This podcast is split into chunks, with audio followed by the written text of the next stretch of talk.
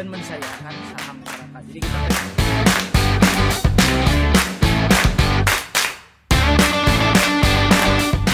beda sama Jakarta kalau orang Bandung tuh realistik investasiin buat sekolah anak. Evolve into something new gitu kupu-kupu mungkin. Ke- Eh, ayahku tuh satpam gitu kan. Di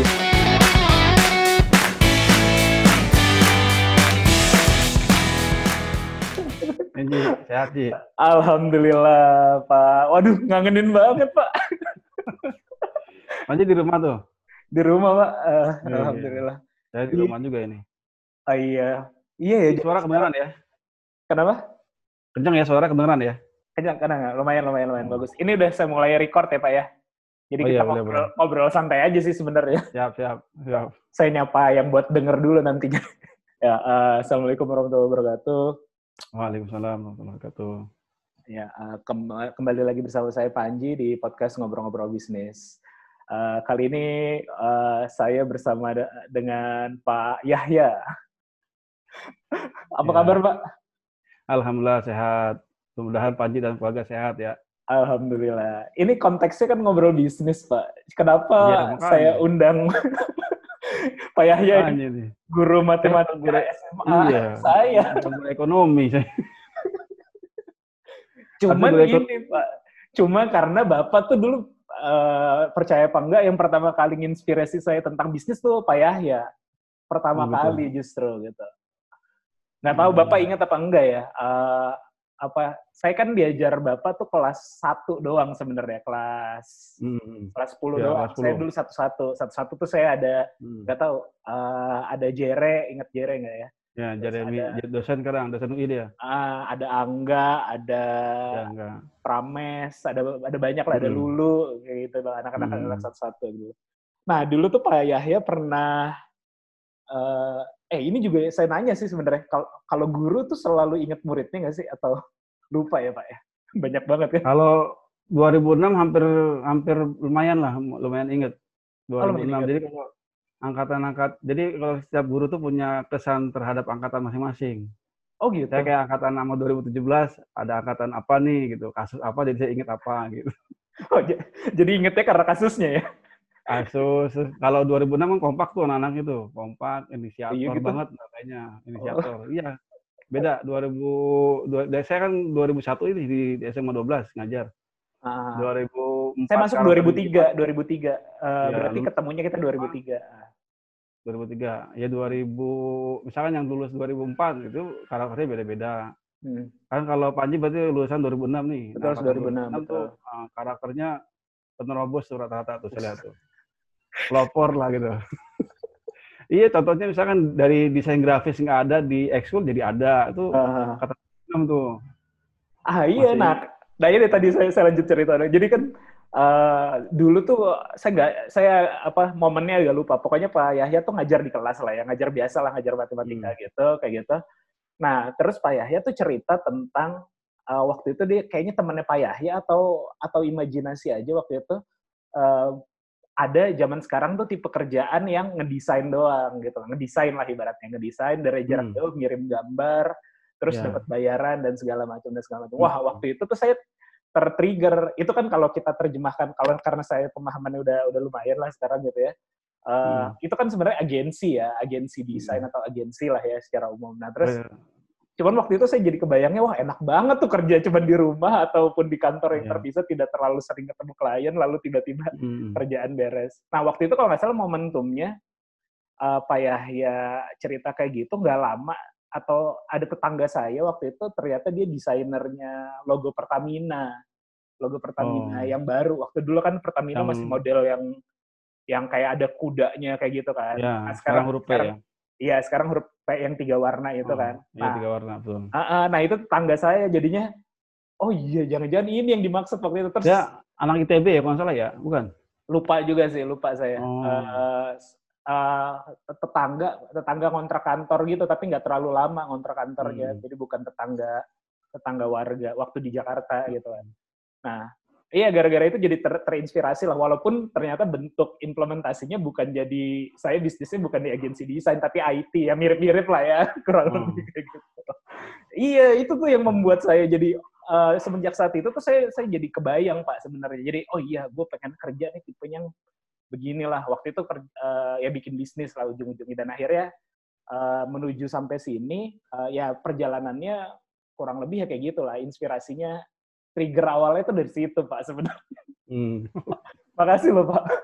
Ya, insya Allah, insya Allah, nggak apa-apa. Sama. Nah, Kalau waktu itu apa kalau setiap Pak, angkatan saya emang sering cerita gitu sih. Setiap Oh, angkatan saya cerita. sampai detik ini anak-anak DG pun saya bilang sama anak tetap Nah. tetap kan karena desain grafis itu model anak sekarang kan beda nih sama zaman dulu nih. Zaman dulu sekali dibikin pemicu tuh langsung jadi gitu kan. Jadi nggak perlu guru nyontohin prototipenya seperti apa gitu. Kalau anak-anak sekarang kudu saya jadi ini, yuk bikin channel misalkan channel YouTube. Nah. Eh, Kudu saya picu dulu, tek, jadiin baru mereka ngisi gitu. Contoh misalkan bikin apa namanya eh apa namanya misalkan eh kayak semacam leaflet ya atau semacam apa namanya majalah majalah eh, Digital. digital misalkan. Kudu saya bikin dudukannya dulu tuh jadi baru ntar anak-anak bikin. Nah sekarang kan saya lihat di beberapa youtuber kan udah banyak tuh ya yang pekerja remote ya. Iya, udah luar biasa tuh kan Iya, udah mobile udah pada worker. berhasil. Mm, remote worker tuh udah udah luar biasa sekarang tuh. Saya juga agak terinspirasi juga nih, bisa sambilan juga ya cuman kadang belum bisa fokus tuh ke situ tuh. Ya. kayak misalkan nanganin channel MGMP aja saya kadang eh, susah juga itu mau bikin kontennya harus satu visi dulu sama teman-teman yang eh, di MGMP gitu. Oke. Oh iya Dan waktu itu kalau- juga kan berarti yang eh, apa desain grafis itu ekskul itu masih bertahan Pak sampai sekarang. Masih, alhamdulillah masih. Sekarang sudah sudah agak lebih settle karena ada alumni angkatan 2018 ya dia nanganin. Dia anak Oh. PNJ juga dia. dia ada, ada Oh. Gitu. Itu waktu itu Jadi, pertama kali saya lupa deh. Ininya kalau nggak salah kan eh, itu di pas zaman saya tuh pas zaman saya kelas 2 kali ya, apa kelas 3 ya. Pokoknya ada si Andrian, ada YB yang anak-anak ekskul si Adit, ya Adit, Aji ya Aris, kayak gitu-gitu ya. Aris, Aris, Ah, Aris yang jago Aris. gambar tuh. Iya iya iya Aris. iya. Almarhum Gino, Almarhum Gino, heeh. nah, Gino Ramadan, nah, itu It- sama it- juga tuh. Itu yang inisiasi waktu itu Pak Yahya ya pertama kali ya? Bikin Iya, angkatan angkatan angkatan Panji, si Adit tuh ketuanya. Adit, eh, Aris, Aris sudah udah luar biasa lagi di Jakarta. Iya iya iya. Mampu. Ah. Iya jago udah banyak dipakai-pakai di sekolah mana-mana tuh. Kemarin terakhir Pak Amul di SMA 36 pindah ke sana ya. Udah bikin profilnya SMA 36 si Aris tuh. Cuman agak sedikit mandek tapi udah jadi proyeknya. Cuman animasi ya? eh, video profil sekolah. Apa di profil? Ya ya ya. ya. Video Iya. profil sekolah. Gitu. Jadi kalau misalkan kan sekarang ada tuh channel yang siapa sih Yoko Bob ya, Yoko Bob ya. Ah. Yoko Bob siapa tuh? Itu kan dia terkenal juga tuh. Iya. Dia sering manggil teman-teman yang sama alumni atasnya sama yang bawahnya. Sebenarnya sih sebetulnya bisnis banyak sih ya pengembangannya ya. Iya iya. Cuma kan Panji kan ke-triggernya ke arah-arah eh, dunia Digital namanya? IT lah ya. Digital IT. Gitu. Iya. Iya, nah apa ya? Waktu itu tuh eh, karena mungkin karena Pak Yahya mungkin hitungannya dosen eh, apa ya tidak terlalu tua lah ya waktu itu ya. Sekarang udah berapa Pak? Umur mau 42 atau Juni. Oh, 42 ya, enggak masih muda juga lah. Masih- ya. Ya zaman itu kan jadi maksudnya jadi kita kesannya nggak terlalu jauh gitu. ya jauh. Ah, jadi kayaknya lebih akrab lah gitu kan. Konteksnya gini nih, saya sampai agak ketawa juga kalau cerita sama istri ya, sama Ah. teman-teman eh, guru lain atau yang dia pengalaman waktu muda ya. Contoh misalkan saya ngajar angkatan pada saat kelas 1 tuh dia atau dia lulusnya SMA 2004 atau 2005 ya. Nah, Sampai pas saya nulis eh, data pribadi dia lihat tuh lahiran saya 78. nah. Terus ad- ada anak eh, ngomong, Pak, Bapak lahir 78, pacar teman saya sama Pak, 78 katanya.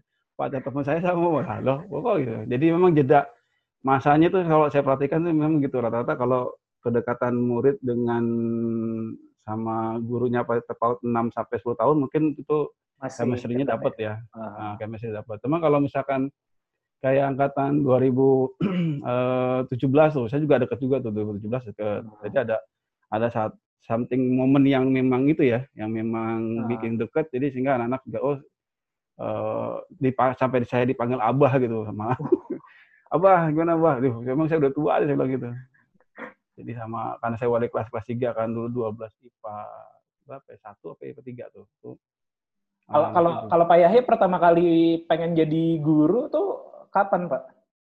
Atau kenapa Jadi- pengen jadi guru juga? Jadi guru itu sebetulnya saya agak termasuk agak kurang apa ya puas terhadap beberapa fungsi layanan BK ya BK di SMA SMA terutama. Jadi eh, malah dulu kalau misalnya saya berpikiran, oh kayaknya saya kalau guru matematik saya pengen nih setiap mau ngajar tuh ada konten kebekaan gitu. Oh, jadi saya kasih dulu misalkan tentang video apa, saya angkat tema misalnya tentang eh malasnya anak belajar misalkan. Tuh, Saya kasih dulu misal gitu ya, itu saya mau buat seperti itu. Jadi waktu saya masuk lulus SMA, dibilang waktu angkatan 97 saya lulus, eh dari pendidikan sama murni itu nggak boleh gabung. Jadi misalnya saya mau ambil pendidikan murni, eh pendidikan eh, murni matematik di UI, eh, sama saya mau ambil pendidikan eh jurusan matematika pendidikan di UNJ di Jakarta dulu eh, guru BK bilang nggak boleh karena itu eh, apa namanya seberang jalur antara murni sama pendidikan nggak boleh gitu. awalnya saya minatnya ke UI itu sebenarnya Ah. ada eh, karena nggak boleh seberang jalur sudah saya pilih ke IKIP Jakarta pendidikan matematik gitu Berarti Dan angkatan kalau udah angkatan berapa Pak di UNJ? Lulus Dulu masih ikip ya? 97 Masuk 97 97. jadi Oh. 97 besoknya langsung diajak Demo. demo. diajak diajak demo sampai ya nggak sampai naik ke atas itu sih Ah, sampai Senayan nggak ya cuma kita ikut ikutan lah ikut ikutan Ah. tapi waktu itu posisi saya masih di aktif di jurusan lah di jurusan Himpunan ya? jurusan Oh, himpunan Iya, jurusan iya. tingkat jurusan ya ah, kalau di ITB kan namanya apa ya himpunan. Hima ya himpunan Iya, mahasiswa ya. himpunan mahasiswa. Oh ya, beberapa kampus kan udah namanya BEM, BEM. tapi tingkat jurusan ya, BEMJ, BEM BEM jurusan ya. Iya, iya, iya, iya. Ya. Oh, berarti awalnya tuh tadi pengen kayak menggabung itulah ya, menggabung kalau Hmm. lagi ya apa eh, sainsnya maupun pendidikannya kayak gitu ya. ya Jadi artinya gini, memang kalau yang saya alami eh, kita mau ngambil fokus ke matematika secara pure itu harus benar-benar pilih, jangan sampai salah jalan. Kayak misalkan saya di pendidikan matematik nih, eh, Hmm. ternyata ada beberapa mata kuliah yang memang di murni dikasih, di pendidikan nggak dapet, jadi nggak maksimal. Hmm. Gitu. Jadi misalnya contoh eh, dulu emang sih dapat teori bilangan misalnya, Hmm. terus tiba-tiba ketika nanganin soal OSN kok muncul telescoping number nih. Nah itu di Hmm. kampus-kampus ya, terutama pendidikan jarang dosen bahas. diajarkan. Oh, Mm-mm. oh Kayak gitu. AMGM dalam te- teorema geometri ya itu apa sih nggak bakal dapat tuh kalau kita nggak ngulik sendiri. Ah. Jadi kalau ketika saya di diadu sama kemampuan guru yang memang backgroundnya murni ya jago dia pasti. Hmm. Karena dia mereka lebih lebih awal, lebih tahu banyak lebih dalam. Oh, oh, berarti kalau saya- Heeh. kalau pendidikan itu berarti kan nggak nggak pure eh, ada ada sebagian eh, ada persen Iya. yang metode pendidikannya Iya. ya berarti ya lebih banyak Hmm. eh, ada ada kayak Iya. gitunya. Makanya kalau misalnya anak murni ngajar, kadang eh, suka bias dalam pemahaman konsep tuh. Oh. Jadi dia, jadi misalkan te- te- definisi tentang tinggi segitiga itu harusnya dia harus bisa paham. Tapi kan kalau saya saya aja kayak anak saya di SD nih SMP sekarang nih itu eh, gurunya ngasih soal tentang segitiga, segitiga, saya bilang pakai cara ini bisa langsung gitu. Terus coba kalau enggak eh, kamu coba eh, apa namanya diskusi sama guru. Hmm. Kalau menurut Abi begini nih, jadi coba nanti Oh. eh, konsepnya di guru SMP anak saya kayaknya agak kurang dalam tuh tentang segitiga misalnya gitu. Oh, Padahal itu konsep banget dasar. malah nge-compare ya. Tapi saya ngomong sama anak saya, jangan bilang saya guru matematik, bilang gitu. Oh. Selalu tuh anak, anak saya SD, saya bilang ke anak saya, jangan ngomong saya guru matematik, jangan jangan ngomong kalau Abi guru matematik ya. Gitu. itu berarti iya berarti kan tadi ketahuan juga. Iya eh, berarti eh, Pak Yahya ingin jadi dosen eh ingin jadi guru karena eh, punya konsep kayak gitulah kurang lebih gitu. Hmm. Cuman kira-kira trigger trigger utamanya apa? Dulu ngelihat eh, d- guru pas lagi sekolah ngajar yang nggak enak, oh harusnya gue gue jadi bisa lebih ngajar lebih bagus Kalau nih, lebih kayak ini gitu atau gimana? Dari kelas 1 SMA aja saya udah mulai ngajar. Oh gitu, Ngajar ngajar TPA dulu. Ngajar TPA. ngaji Saya- anak-anak gitu ya. Jadi saya sama dunia anak memang agak suka ya. Ah, Jadi SMA kelas 2 saya masih belum punya motor, dulu orang tua juga masih pas-pasan, hanya punya sepeda, jarak agak lumayan satu kiloan lah ngajar TPA karena ada ada masjid yang kurang guru eh, TPA gitu. Ah. Akhirnya saya sama teman saya di- diminta bisa nggak? Karena dulu saya SMP-nya backgroundnya agama kan. Ah. Di Pesantren, Pak? Alosiah. Enggak, enggak pesantren. Jadi Al- SMP Alosiah saya dulu. Oh, Oke. Nah, terus eh, diminta eh, bantu tuh setiap sore karena pulang sekolah saya pulang rumah dulu naik sepeda, nah, terus kemudian ke sana sampai kuliah pun masih nanganin tuh. Kuliah semester 1 saya udah ngajar di bimbel tuh. Oh, bimbel, bimbel dan Oh. privat gitu ya biasanya. Udah privat, tapi yang punya kebetulan kakak kelas saya di SMA.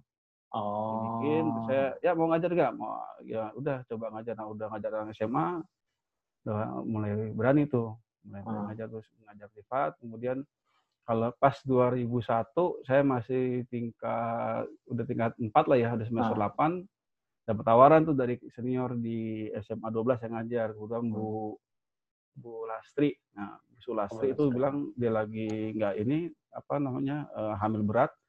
Kemudian saya diminta untuk Di- backup Ah. Pak, di SMA 12 cau dua kalau salah tuh. Oh, masih jauh ya. Wah, masih satu bulan.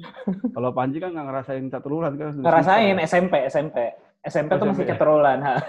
Pas Hmm. SMP tuh masih caterulan. Iya, bulan per tiga bulan. Iya, pas SMA mah udah semester sih, udah semester. Iya. Terus saya masuk ngajar 2001 di SMA 12.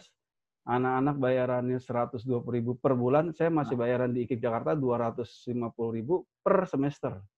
Bus. Bayang itu. Kan 12 120 per Dua- bulan. Kalau dikali 6 berapa tuh? Eh, dua bulan aja udah bisa bayar satu semester ya. Iya, dua bulan di 12. Anak-anak makanya saya bilang beruntung lo masuk 12 saya bilang gitu.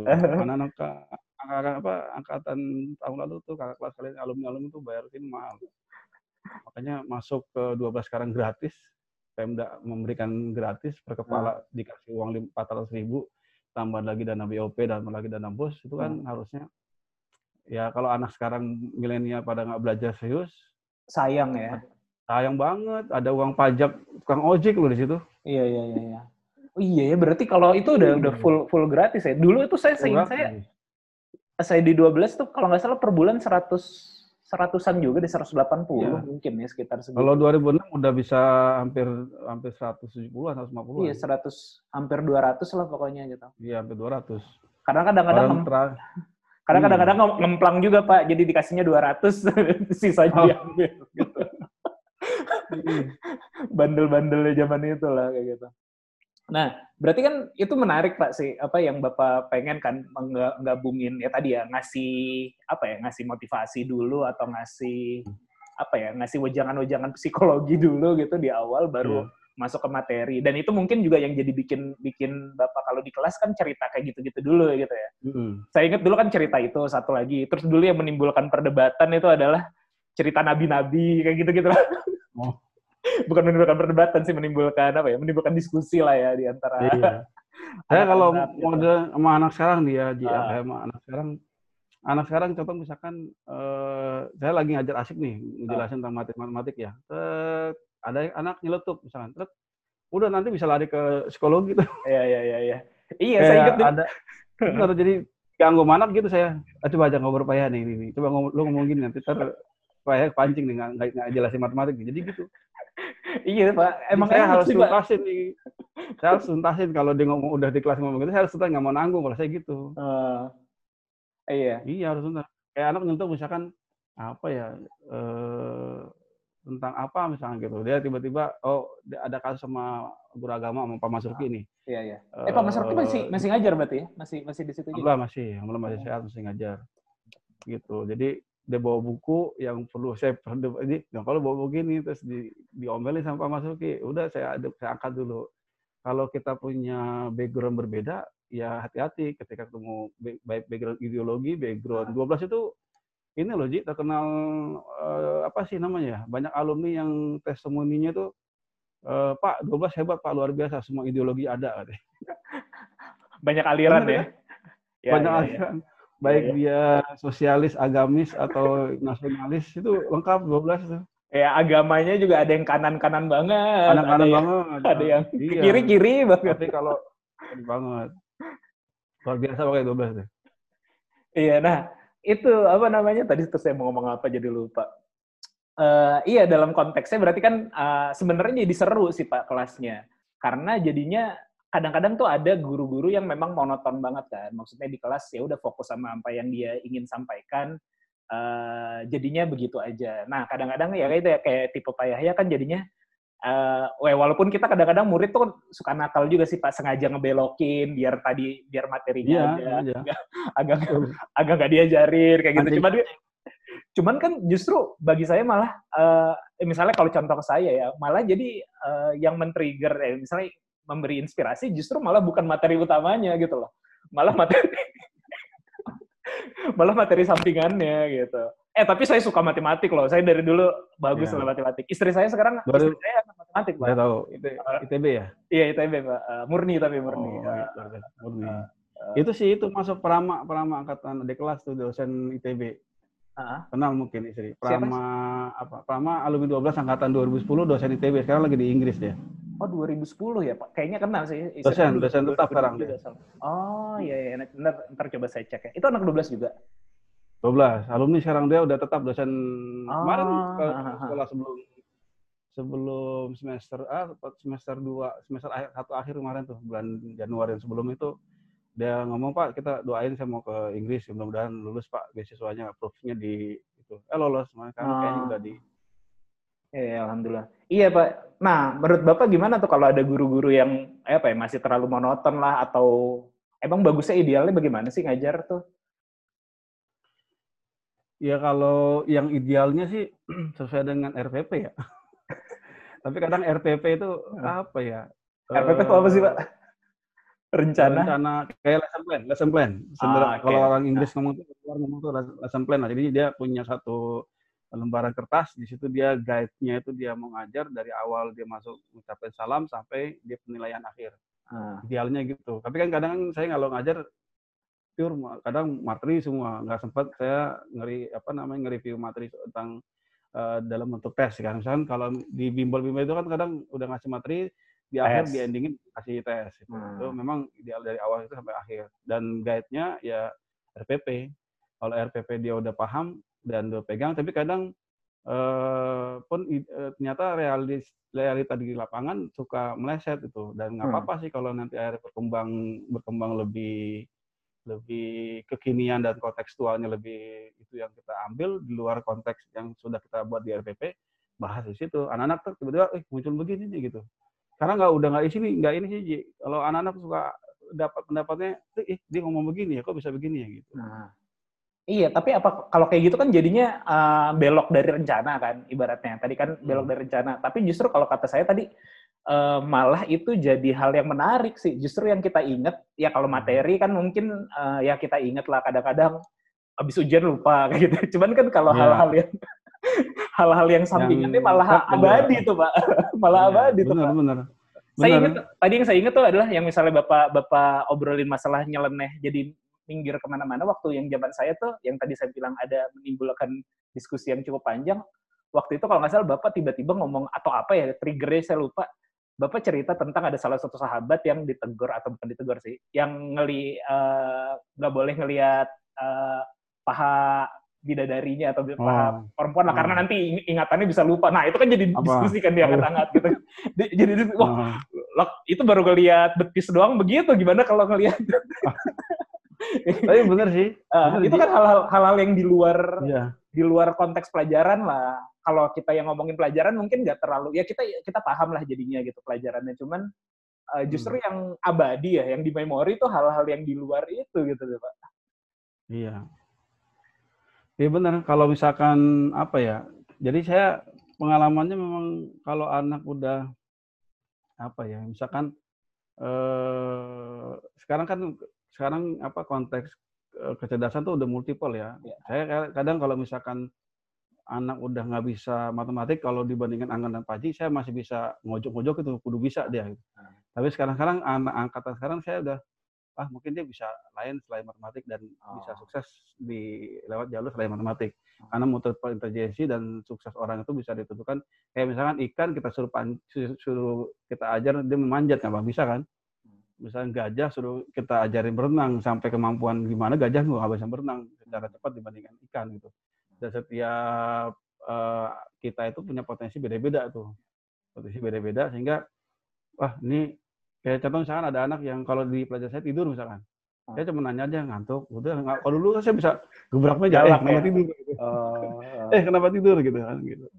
Jadi kalau sekarang oh, tidur, oh mungkin saya kurang kurang dinamis nih kelasnya nih sehingga dia nggak bisa Hmm. nggak tertarik dan- gitu ya. Iya, terus saya lihat di beberapa review dari beberapa guru yang lain, oh dia bagus di sini, udah Hmm. gitu. Mungkin dia cocok dengan guru ini dan eh, nggak cocok sama saya misalnya gitu. Jadi memang Hmm.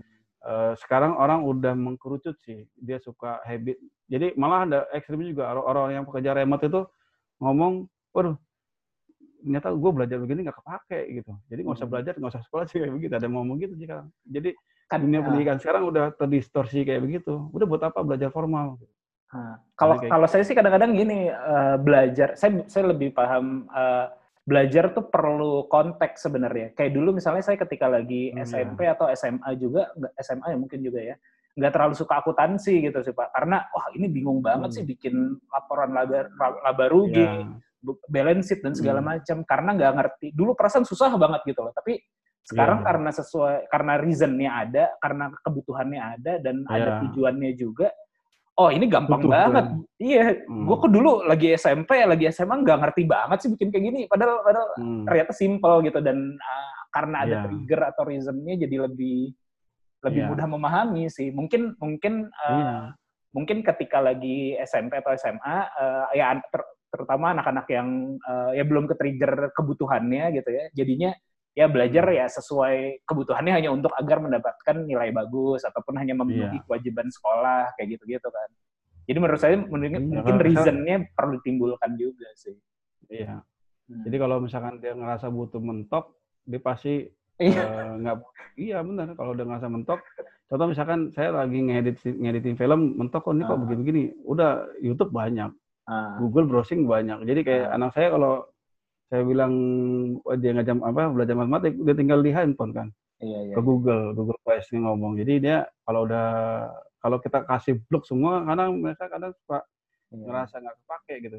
iya, iya. nggak oh nggak butuh nih lagi nggak butuh itu gitu Ah, jadi iya, pada iya. saat butuh nah, sekarang orang tinggal ngulik kan ngulik ngulik ngulik, ngulik dapat oh iya begini kayak seorang ibu-ibu dia nggak bisa masak eh, jenis masakan A ah dulu nggak penting akhirnya pas dia tinggal di YouTube buka enak enak Iya, eh, lagi butuh bisa. luar itu iya Kak- orang sekarang saya belajar begitu rata-rata makanya gimana ya kurikulum kita juga kudu iniin juga sih siasatin Ah. juga tuh anak-anak tuh iya sih harus terus terus Kan- berkembang ya Iya, kalau dulu kan ada sebenarnya kan kurikulum kita udah mengakomodir itu ya dengan adanya peminatan.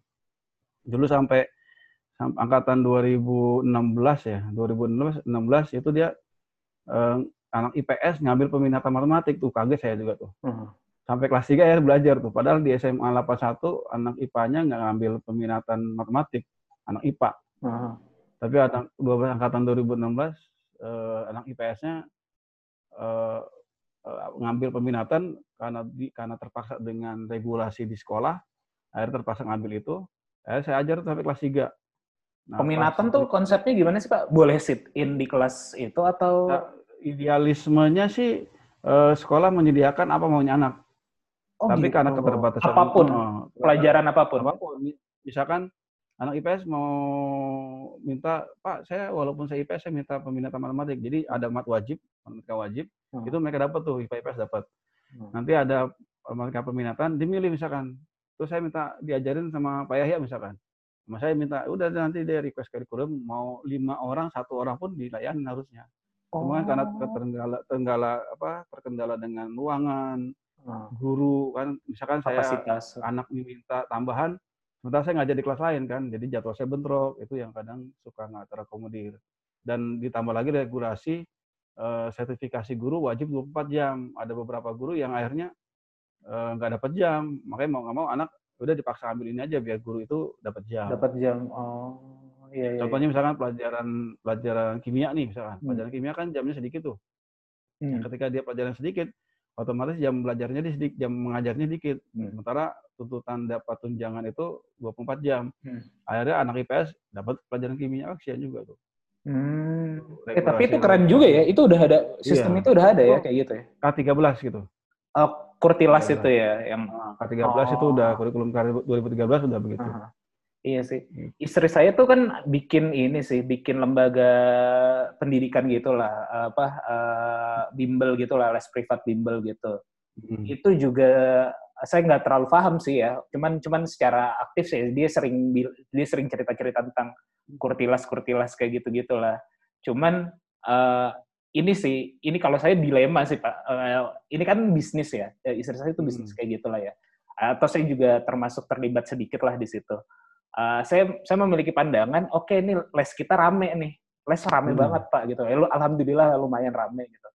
Cuman uh, saya punya kegelisahan les saya rame ini akibat pendidikan uh, formalnya tidak baik Oh, artinya gitu loh. ya. Jadinya kadang-kadang saya jadi ngerasa ya tadi ya dilema juga ini kita bikin les oke lah uh, mengajarkan orang lebih baik apa segala macam tapi les kita rame kan sebenarnya gara-gara si anak ini tidak terakomodir di sekolah gitu Ya. loh atau Hmm. eh, tuntutan biasanya yang sering terjadi juga adalah tuntutan eh, di sekolah tuh harus udah bagus makanya dia mesti les kayak gitu kan padahal kan sebenarnya Hmm. sekolah tuh tempat kita belajar tempat kita Ya. salah juga nggak apa-apa kayak gitu Hmm. pandangan Pak Yahya gimana tuh kayak gitu Kalau apa namanya eh, nggak bisa diharapkan sih ya. Kadang semua guru pelayanannya suka kurang maksimal. Hmm.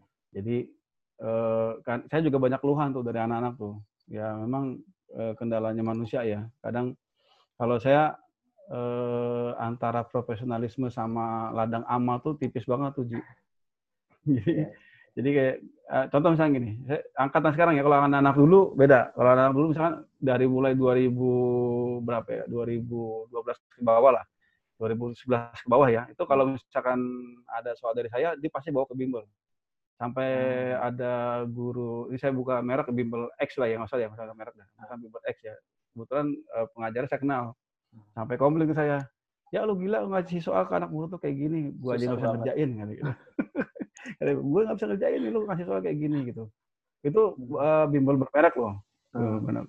Nah, belakangan ini 2012 ke atas, anak malah jadi keasikan di bimbel, terus malah kalau pengalaman saya pribadi ya itu malah jadi soal bimbel lari ke sekolah. Saya bilang kalau anak-anak ngejain, entah dia ngetes saya atau enggak, saya nggak paham. Tapi eh, mayoritas mereka pada jujur nggak bisa. Karena dipicu sama bimbel ada target apa, kalau enggak nanti kamu bisa diprediksi nggak ada PTN kan gitu. Hmm. Ada tuh. Terus saya kadang sindir aja, yang ada soal saya ke bimbel, kamu bimbel. Jadi ada soal nggak bisa, ini soal bimbel lari ke sekolah. Itu yang sekarang nih, yang belakang sekarang 2000, terakhir 2020 kayak gini. Nah itu, terus kemudian kalau apa namanya, memang yang dibenahi itu harusnya maksimalisasi di di sekolah ya. Jadi sehingga anak-anak ter, terlayani dengan prima lah harusnya. Sehingga Hmm. kalau misal kalaupun misalkan ada anak-anak yang ke bimbel itu udah udah jalurnya pengayaan harusnya Hmm. penambahan pengayaan akselerasi gitu mungkin dia harusnya begitu kalau pandangan saya sih Hmm. cuma kadang ada juga anak-anak yang ngomong pak nih guru ini ngajarnya nggak enak pak Eh, otomatis Hmm. ya kayak saya juga ngalaman pribadi gitu saya di Hmm. SMA em, bisa kimia dapat nilai di atas 8 di UN waduh itu gara-gara guru bimbel kalau mau saya jujur saya Saya juga masuk. ITB gara bimbel kayaknya iya makanya jadi Ya, karena kan kalau di bimbel di trigger latihan soal kan. Sebenarnya kalau Ya. untuk lulus tes-tes apa sih tes perguruan tinggi kan yang penting PTN. rajin iya rajin latihan soal Iya. kan sebenarnya. kalau misalkan saya mengatasi itu ya ke anak-anak kelas 3 terutama atau kelas 1, kelas 2 eh, saya bilang kalau selama saya ada waktu kosong, saya kalian melihat saya lagi Santai. nyantai misalkan ada kelas kosong Pak tambahan silakan saya kadang gitu. Hmm, hmm, hmm. Yang yang agak semangat tuh dua angkatan 2012, 2013 Hmm. tuh Pak nyulik saya tuh Pak kok lagi nganggur gak Pak? Iya kenapa? Kita bahas soal ini sampai soal stan gitu kan untuk anak-anak Ah. suka, udah lab bio kosong masuk lab bio gitu. Hmm. Jadi ya ya bagaimana ya kita karakter guru beda-beda. Mungkin ada guru yang nggak mau begitu. Iya iya. Mungkin iya. karena karena kesibukannya kita baik sangka aja mungkin atau mungkin dia lagi banyak pikiran. Hmm. Atau ada kadang-kadang ada juga guru yang kayak berjarak gitu sih Pak, sengaja Iya. memberi jarak gitu sih. Saya aja ngerasa udah berjarak Ci, sebetulnya. Sekarang, jeda- sekarang-sekarang ini. ya? Dengan umur jauh gitu ya. Cuma Ah. ngebonding ke anak-anak juga butuh. Tapi awet muda sih Pak. ini kayaknya nggak berubah deh. Maksud saya, kayaknya kita Men- sempat sempat ketemu lagi pas lagi ada Ya. acara di 12 kan waktu 12. Ada Pak Mas Ruki ya? ada Pak Mas Ruki ya waktu itu ya. Malam ya, lu suruh ngisi masalah ya. Ah, si siang. Paknya sering ngisi, su- Iya, eh, iya. siang ya, Paknya sering Ah. ngisi kan. Iya yang ngisi acara Saya juga Rohis, sebenarnya ya. setuju tuh sama anak-anak OSIS yang atau Rohis ya, kalau Ah. ada eh, kegiatan panggil aja alumni yang udah Iya iya. pengalaman. Ya kalau kita Saya lowong pasti bisa sih, pasti di Cuman anak-anak OSIS segini Ji, anak-anak OSIS kadang begini, eh, Pak nggak enak Pak, tak kalau manggil apalagi ada alumni yang udah bermerek namanya, Hmm. eh, mahal Pak gitu.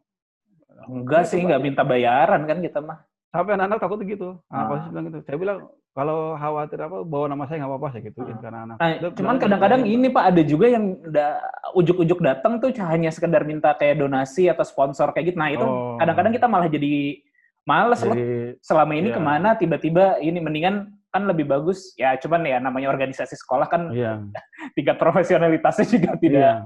tidak diharapkan lah ya. Cuman maksud Saya kan di di 12 gini Ji, dikenal tuh mana anak, Ah. Pak eh, minta ini dong eh, kontak alumni ah, ya.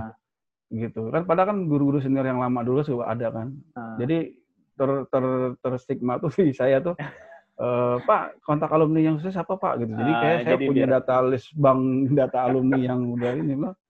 Ini ini ini ini gitu. Ah. Soalnya- Iya iya iya.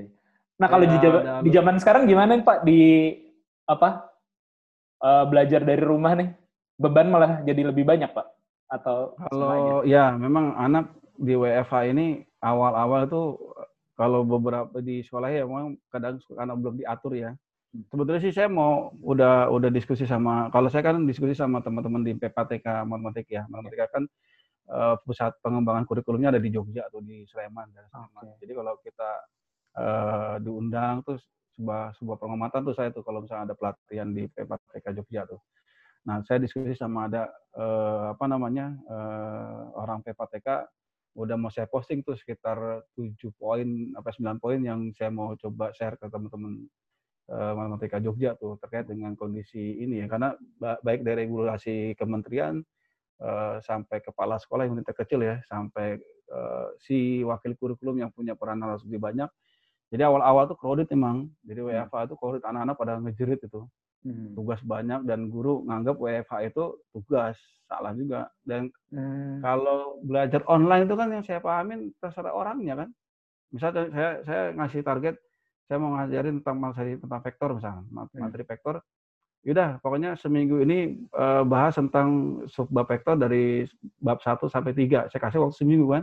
Anak kan nanti bebas kan harusnya. Kalau kita berkaca ke luar negeri itu kan eh, belajar online daring itu kan bebas. Eh, saya bisanya malam, saya bisa sore. Nanti dia meng- mengakses konten-konten si dosen yang udah diupload di sebuah web kan. Hmm. Idealismenya begitu, idealisnya. Cuma kadang karena agak gamang dan ini dianggap darurat, jadinya eh, sebatas udah eh, tugas saya hari ini. Apalagi awal-awal di DKI itu Hmm. eh, WFH itu hari pertama P- apa PJJ ya Jakarta terkenal PJJ. Jadi luar biasa DKI itu jadi patokan rujukan ke beberapa daerah-daerah.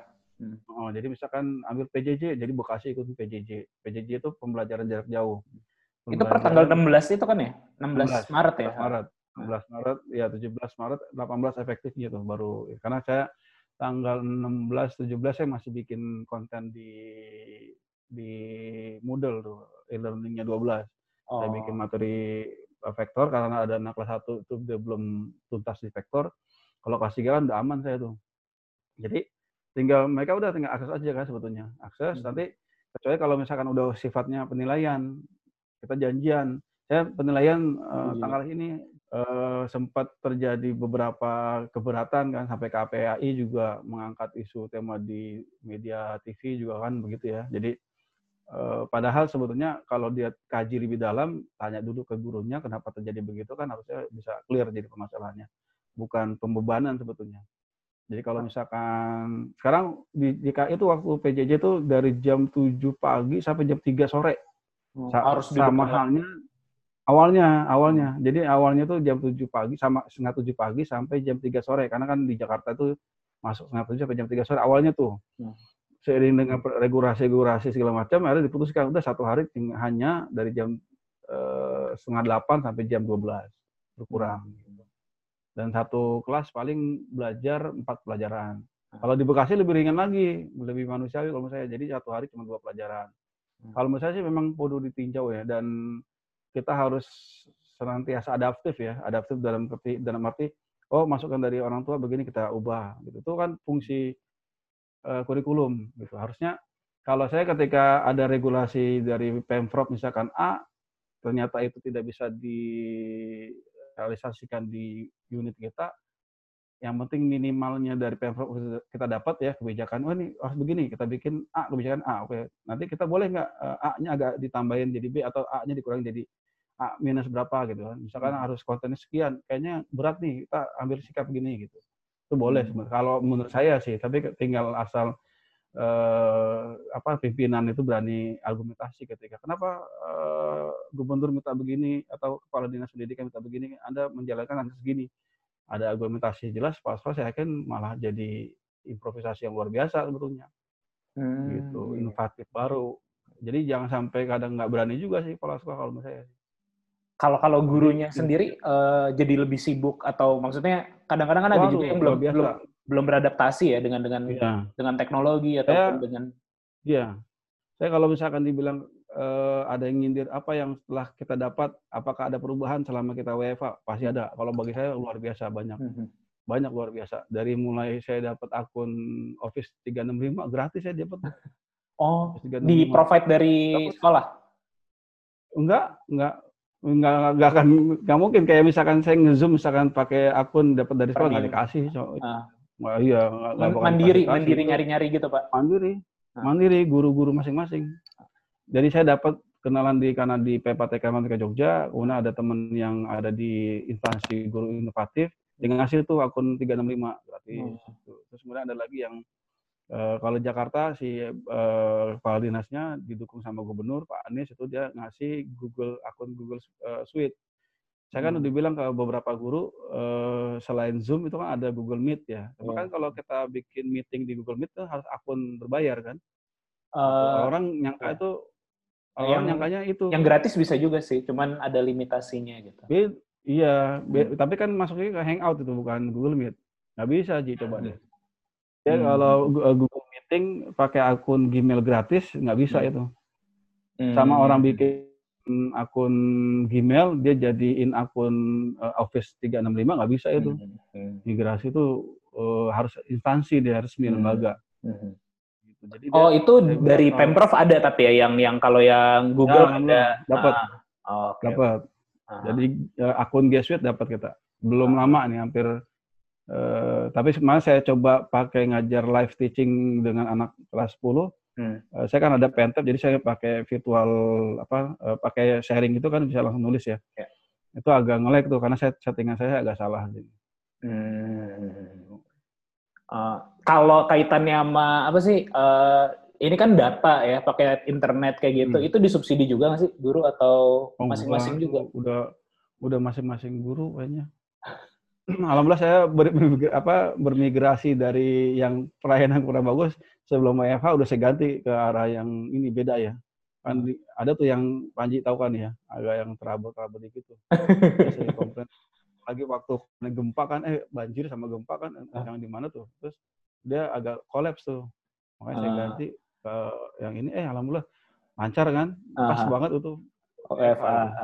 Iya, soalnya ini Pak, kemarin Dan- tuh saya ngelihat ngelihat ini, ngelihat di ada postingan, ada ini sih ada eh, kita eh, di eh, teman-teman startup bikin inisiatif gitulah untuk mendukung guru digital, terutama yang di luar Jawa. Hmm. Di luar Jawa ternyata kendalanya eh, gede banget. Ya, gitu. paket. Hmm. Iya, satu paket data, kaitannya sama paket data. Yang kedua, jangankan pakai data, listrik aja masih sering mati gitu loh. Iya. Ada kemarin betul, kasus betul. di di Papua atau di di Sumatera bahkan gitu ya. Jadi listrik aja masih sering mati 12 jam sekali Iya. kayak gitu. Eh, gimana mau bisa optimal ngajarnya? Paket data belum ada subsidi gitu. Terus juga ya pokoknya banyak-banyak kendala lah. Kalau yang di Jawa mungkin Iya. relatif atau di Jakarta di Pulau Jawa secara umum relatif lebih stabil lah ya yang kayak gitu-gitu. Iya.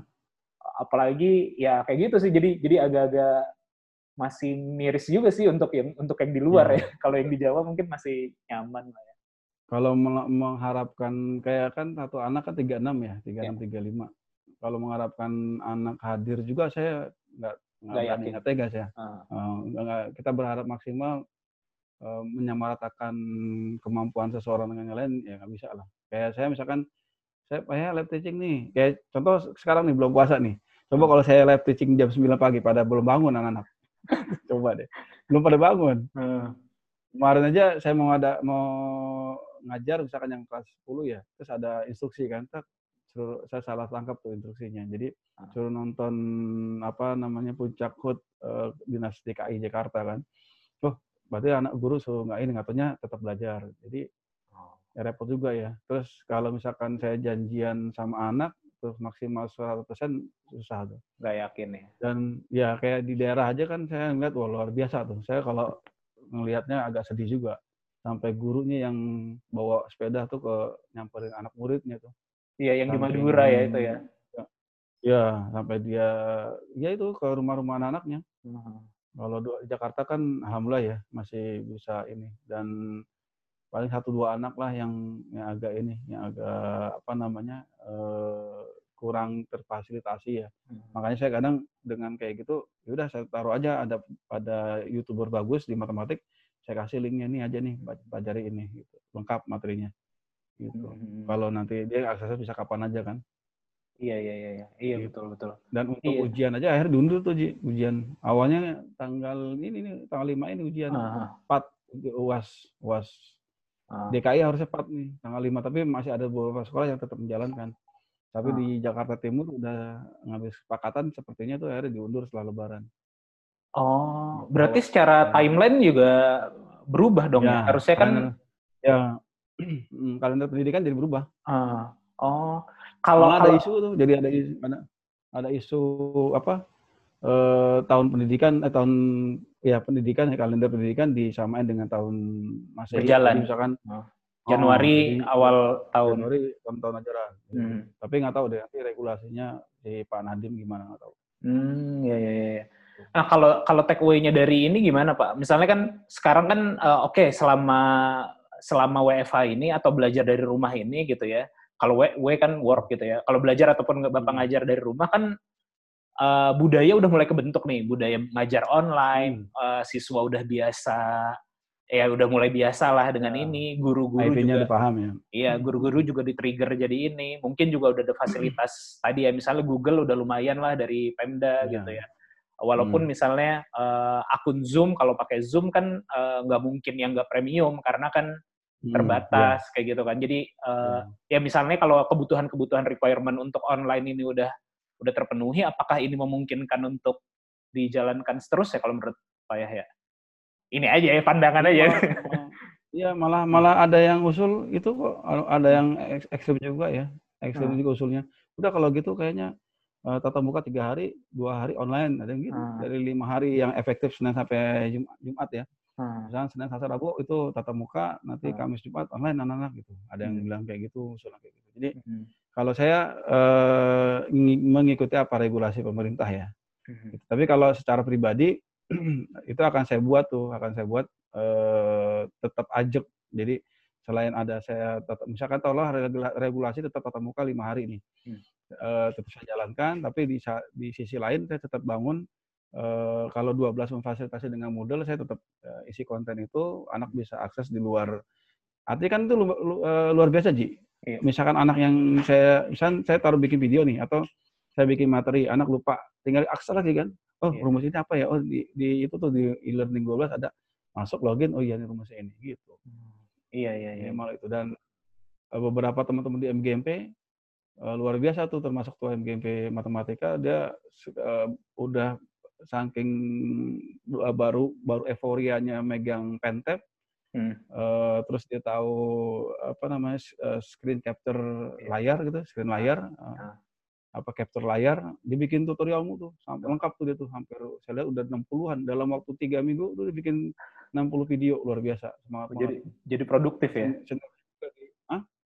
Iya, jadi lebih Iya, produktif iya. dia. Lebih produktif.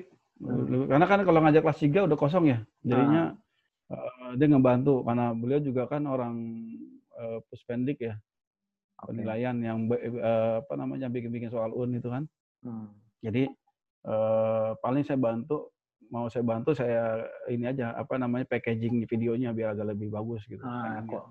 kita openingnya gimana nanti antar slide di tengah-tengahnya ada apa jadi anak-anak karena kan kalau 20 ah, coba deh kita nonton YouTube 2 15 menit aja udah bosan kan Iya, iya. ada video YouTube tutorial misalkan walaupun di tutorial pasti boring gitu Iya, iya, iya. Eh, lima menit lebih aja pasti bos- Iya. bosan makanya Iya. kudu ada kemasan gimana gitu apa satu soal dibikin berapa nanti Nah, konten per berapa menit gitu ya.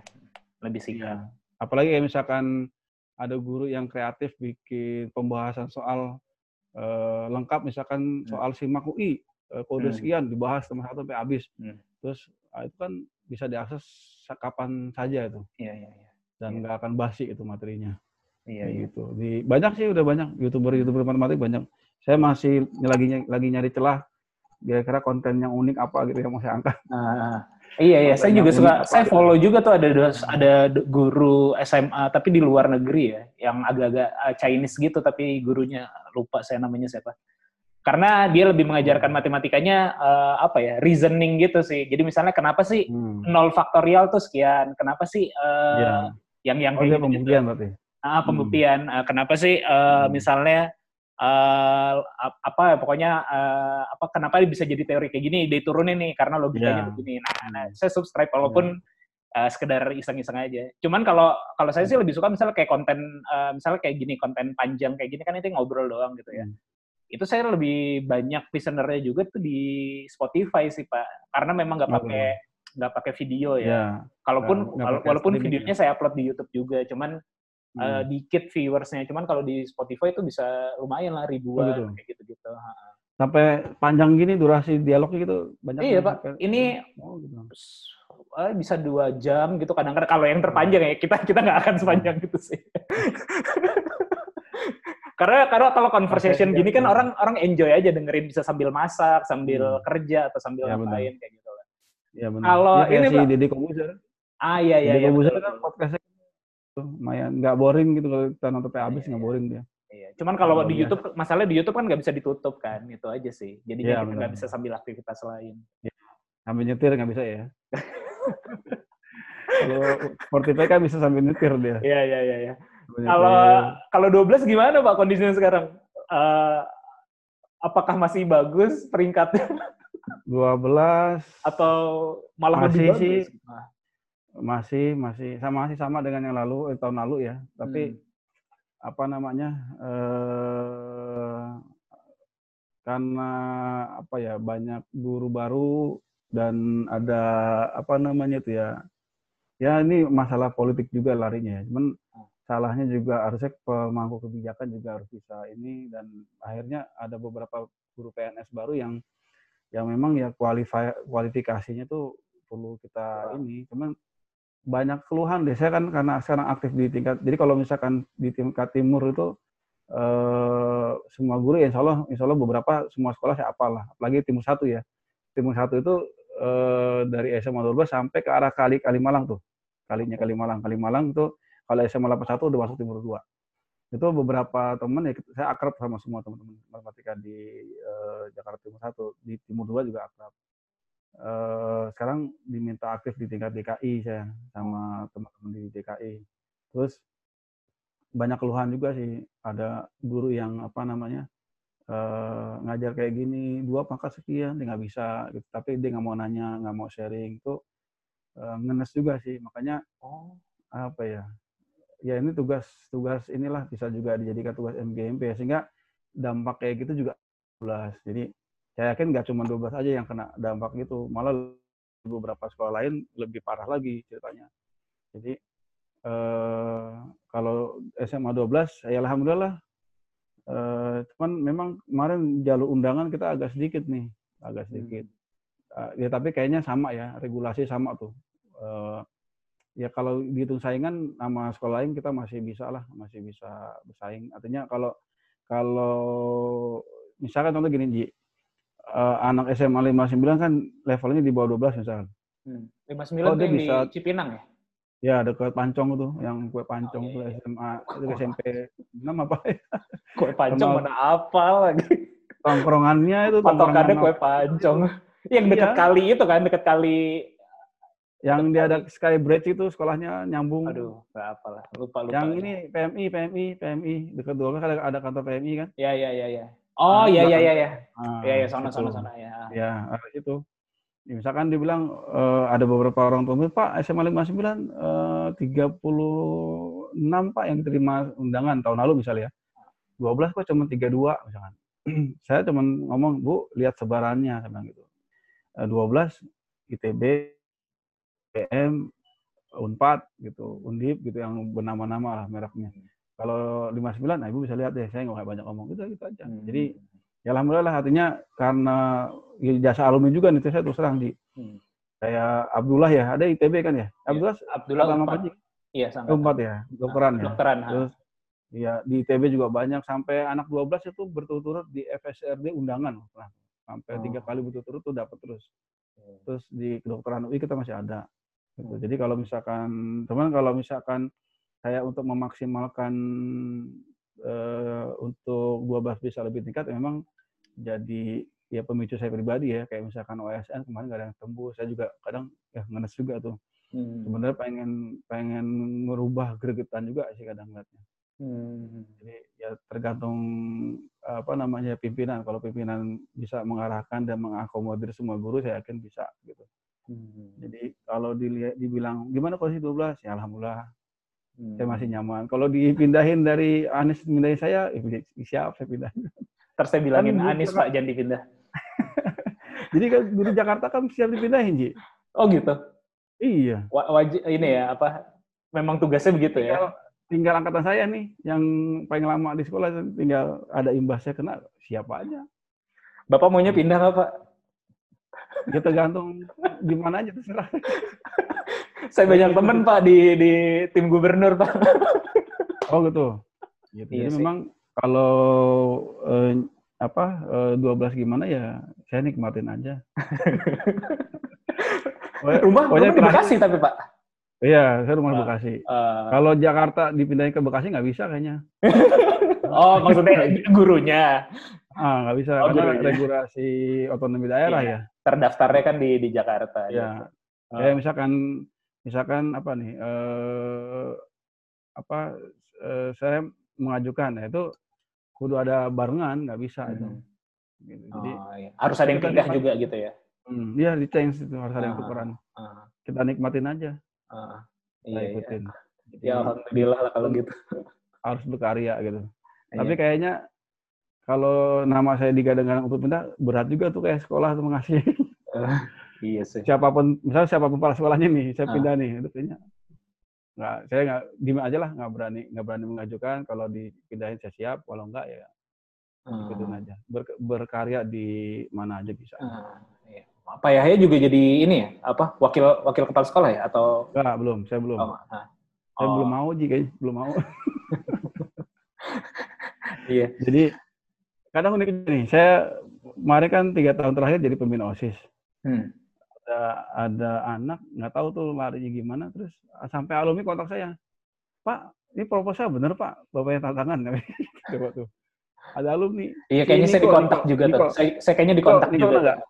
Niko, Niko kenal Niko Niko? kenal. ha. Ah, Niko kan dia di apa sih kap, apa kopi ABC. Oke, ha, ha.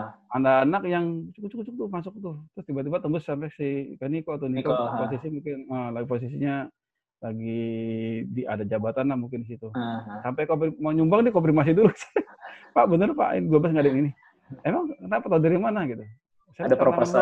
Ah, Iya, oh iya udah nggak. iya, iya. Ya terserah mau gimana. Tapi kalau mau bantu silakan. Kalau nggak diarin aja anak-anak mau kayak gimana gitu. Akhirnya di coaching dulu sama dia tuh. Ah, anak biar biar fundraise. Oh, saya sebenarnya sih gini sih. Anak cara kayak dulu anak nggak bisa bikin ini Ji, bikin proposal sponsorship itu saya bilang Iya. belajar banyak. Akhirnya banyak jadi Belajar. tuh. Oh, jadi pinter-pinter Ba- bahkan sekolah-sekolah lain nyontoh ke 12 tuh. Hmm. sebenarnya 12 bikin sponsorship kayak begini proposalnya gitu. Iya, iya, iya, iya. Iya sih. Iya memang memang beda sih. Maksudnya ya kayak kayak Jangan, waktu itu. jangan ditandingin sama lab school ya. Jangan oh, lab school mah lab school mah perusahaan yang datang ke dia. tuh. Iya, Oh, Iya, iya, school. Oh. iya sih Pak. Kalau ini apa ya?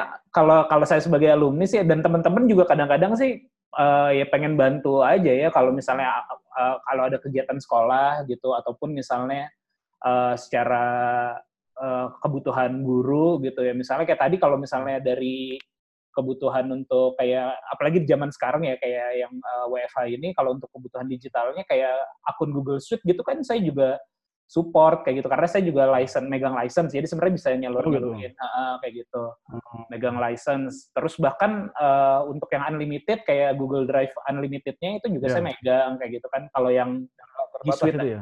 Mm-mm, kalau yang G Suite aja kan terbatas kayak 30 eh berapa 15 giga ataupun eh, berapa Oh. giga gitu lah. Sedangkan kalau ini unlimited untuk storage itu eh, bisa megang. Terus beberapa teman-teman juga kayak Andrian itu di Excel kalau butuh misalnya data ataupun apa itu Hmm. pasti bisa disupport lah. Teman-teman sebenarnya kadang-kadang eh, ya kadang-kadang apalagi kalau yang kalau mungkin di angkatan saya eh, levelnya mungkin udah paling nggak udah bisa melakukan sesuatu lah ya di di pekerjaannya itu mungkin pasti bisa membantu sih kayak misalnya ah, ah, kalau untuk apa ya tiga apa eh, 365 ataupun yang digital digital ataupun misalnya ya kayak kegiatan sekolah kalau memang lagi ini eh, jangan ini aja sih pak. Maksudnya ya mungkin trigger ke siswanya juga ya kalau minta Iya. tolong ya minta aja. Cuman ya itu kadang-kadang jangan terlalu kayak ditodong aja. Soalnya kayak ini lo Tembak tiba-tiba lu nggak pernah ngontak-kontak kayak eh, kayak tiba-tiba langsung ini butuh sekian sekian sekian. Itu kan jadi wah ini apaan nih? Gitu. Kan kita juga jadi ragu.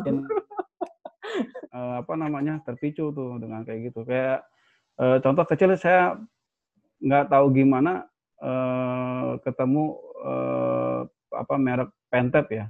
Iya. anak seneng tuh. Seneng banget anak osis seneng. Sampai tiga tahun dibikin apa namanya seminar Pentep.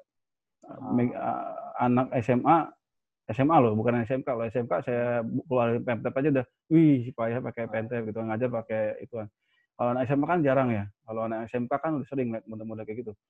Nah, itu mereka belajar, sehingga ada yang terpicu, akhirnya dibeli, punya, kemudian oh tahu gitu. Oh, ngedesain pakai ini bisa. Itu sampai tiga tahun tuh pernah tuh. Jadi eh, kayak kayak gitu anak-anak udah buka cakrawala. Jadi ketika misalkan ketemu sama alumni, nggak cuma bisa nodong doang gitu.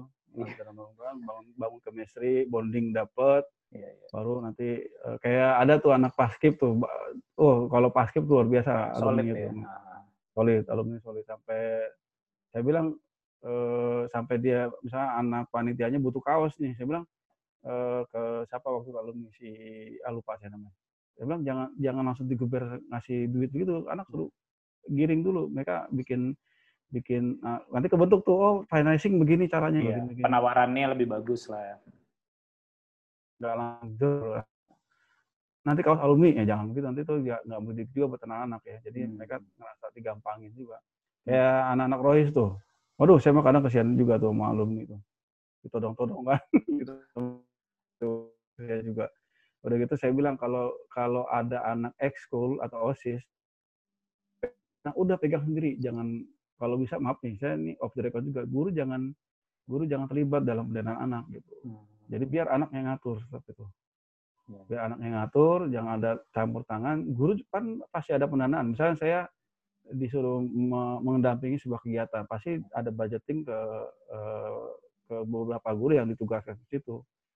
Nah, ketika itu nanti dananya kecampur, nah ntar kadang suka ada ya maaf aja guru-guru yang kurang ber apa ya eh, amanah lah segala macam Iya. kan saya ya udah anak-anak kamu kelola sendiri karena saya ngerasain kalau di sebuah organisasi kalau namanya organisasi siswa mahasiswa itu biasanya idealisme tinggi. Hmm. untuk ngorupsi-ngorupsi dana kegiatan tuh nggak berani pasti. Dikit lah minimal apa? Ini ya, ini ah, ya misalkan eh, ini saya beli konsumsi ntar konstansinya ada. Jangan di eh, jadi itu yang kadang saya share ke anak-anak ya begitu jadi jangan sampai apa ya karena kan kebutuhan anak 12 itu luar biasa Ji. Hmm. kemarin tuh me- mereka nggak ada yang pensi sampai 200 300 juta tuh Hmm. terus kayak eh, kenal nggak sama Akbari Akbari Nur Hmm, di bawah Panji dia dia 2007 atau 2008 Hmm. manggil manggil dia aja tuh anak-anak sebagai MC minta 7 juta tuh 7 juta 5 juta Oh. dia bilang "Eh, siapa MC-nya aku hari ah Pak ya mah kenal coba eh masa kudu saya yang Minta. nego kan. Par, jangan mahal-mahal ya kan masa kan Hmm. Guru-gurunya langsung turun kan kadang saya pengen lihat ya anak bisa eh masih nggak bisa nego juga dapatnya 5 juta ya udah terserah lah ya bilang itu rezekinya si Akbari mungkin ya. Ah. karena kan larinya ke manajemennya nggak kontak langsung secara pribadi sampai dijemput sama anak juga ngomong tuh Pak Yahya gimana kabarnya gitu. Hmm. si Akbari Pak Yahya gimana kabarnya masih ini Hmm. saya inget tuh Pak Yahya begini gini gini gini, gini. wah udah tuh kayak Panji tuh cerita kayak gitu Ah. kadang guru lupa loh Ji kayak gitu serius saya Iya misal sih. pernah ngomong, ngomong sama Panji begini nih lupa Ah. ngomong ya Emang pernah, ngomong ya Iya, itu iya sih. Karena ke- nggak kebayang sih pak. Karena kan banyak apa Hmm. banyak banget kan. Satu angkatan Iya. aja kan berapa satu kelas aja berapa puluh orang. Satu angkatan dan udah berapa tahun ngajar gitu kan. ya benar Tapi itu jadi jariah pak. Mudah-mudahan pak. amin amin Oke pak, thank you pak waktunya Iya, nih pak. terima kasih banyak siap siap salah Ah, sekarang Semoga hobinya sehat. masih masih hobi-hobi desain desain juga pak? Atau udah bikin? Masih.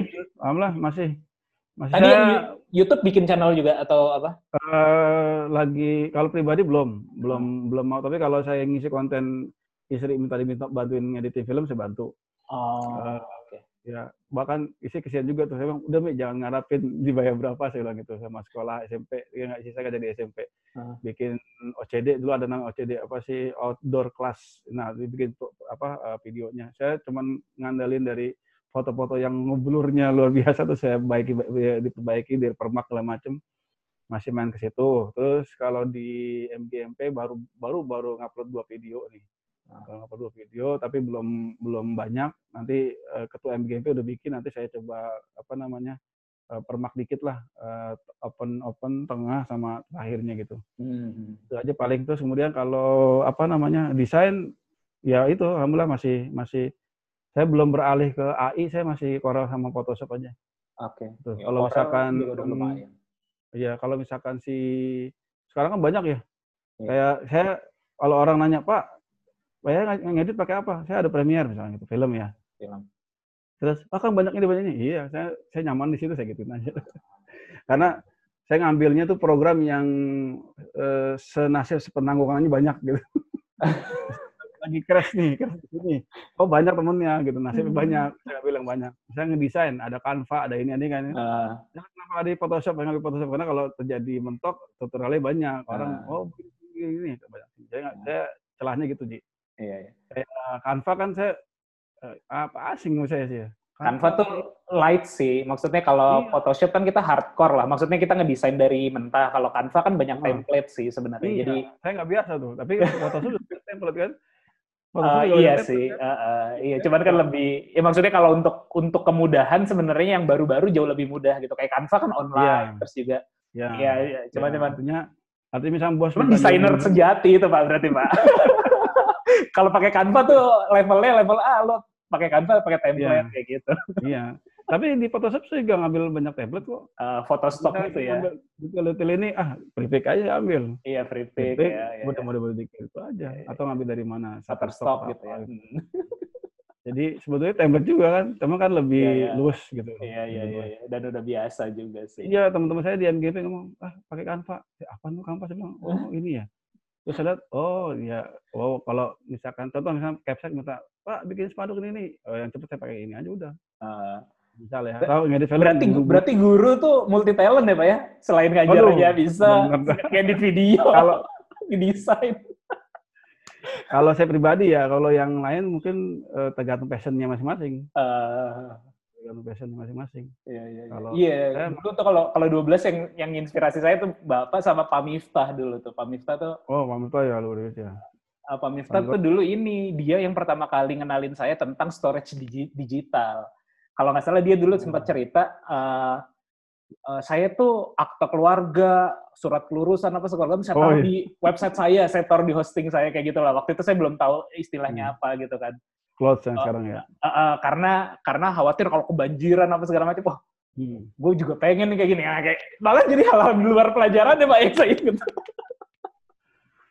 Nah, Pak Mito luar biasa deh. Database juga jago. Iya, Database. iya, iya, iya. Nah, Eh, Excel rumus-rumus saya nggak pernah mau ngapal tuh kayak gitu. uh, ya Google Pak aja Miftah sekarang. Ya orang Google aja. Saya lupa rumus ini pakai ini. Browsing banyak. Sayang apa kapasitas otak ngapalin gitu kalau saya sayang. Iya betul. Ya, oke Pak, thank you Pak nih Siap, waktunya siap. sekali lagi. Sama-sama. Eh, semoga semoga sehat terus. Eh, Amin, amin, amin. Semoga amal-amal yang diterima. Amin. Ya, makanya tuh Iya, luar iya. biasa. Eh, mau banting setir nggak jadi guru jadi struktural mikir lagi. Iya, iya. Oh, nggak boleh ya kalau struktural tuh nggak boleh Bisa. ngajar. ya? Oh, bisa juga. Eh kalau struktural enggak lah kalau dia kalau saya misalkan diminta kepala dinas eh, aktif diminta eh, pindah eh, tugasnya ke suku dinas mana, suku dinas Ah. mana gitu. Itu udah nggak Oh, jadi guru. mungkin ya. Nanti Oh. status gurunya cabut dia. Fungsi Iya, iya. apa jabatan fungsionalnya cabut diambil ke struktural. Ya lebih enak Betul, walaupun- dulu Pak. Tapi struktural gede Ji, pancinya uh, gajinya luar biasa. guru Oh, iya, 3A. DKI ya. Guru 3A sama PNS eh, 3A di TU tuh, aduh, dua kali lipat. Banyakan struktural. Makanya mungkin Anies juga kudu ini ya. Nanti kudu- pas saya colek, Pak. Nanti Iya saya benar, benar. Saya sih udah udah mau maju sama MGMP sih. Ah, Mau maju sama temen MGMP. Jadi Iya, mau, Pak. eh kapan MGMP kita audiensi? Oh siap, saya demen kayak gitu. Iya, iya, iya. Wajib lah itu. Ka- Kan dia juga guru. Anies Iya, kan juga guru kan, pengajar. Ya, benar, benar, benar. Oke Pak, thank you Pak ya. Siap, siap. Eh, ini, saya matiin dulu, saya matiin dulu recordingnya nanti baru kita kita Siap, siap. dadah-dadah. Siap. Eh, sekian yang udah dengerin, Eh, makasih. Semoga- Moga-moga ada manfaatnya obrolan kita. Sekian, assalamualaikum warahmatullahi wabarakatuh.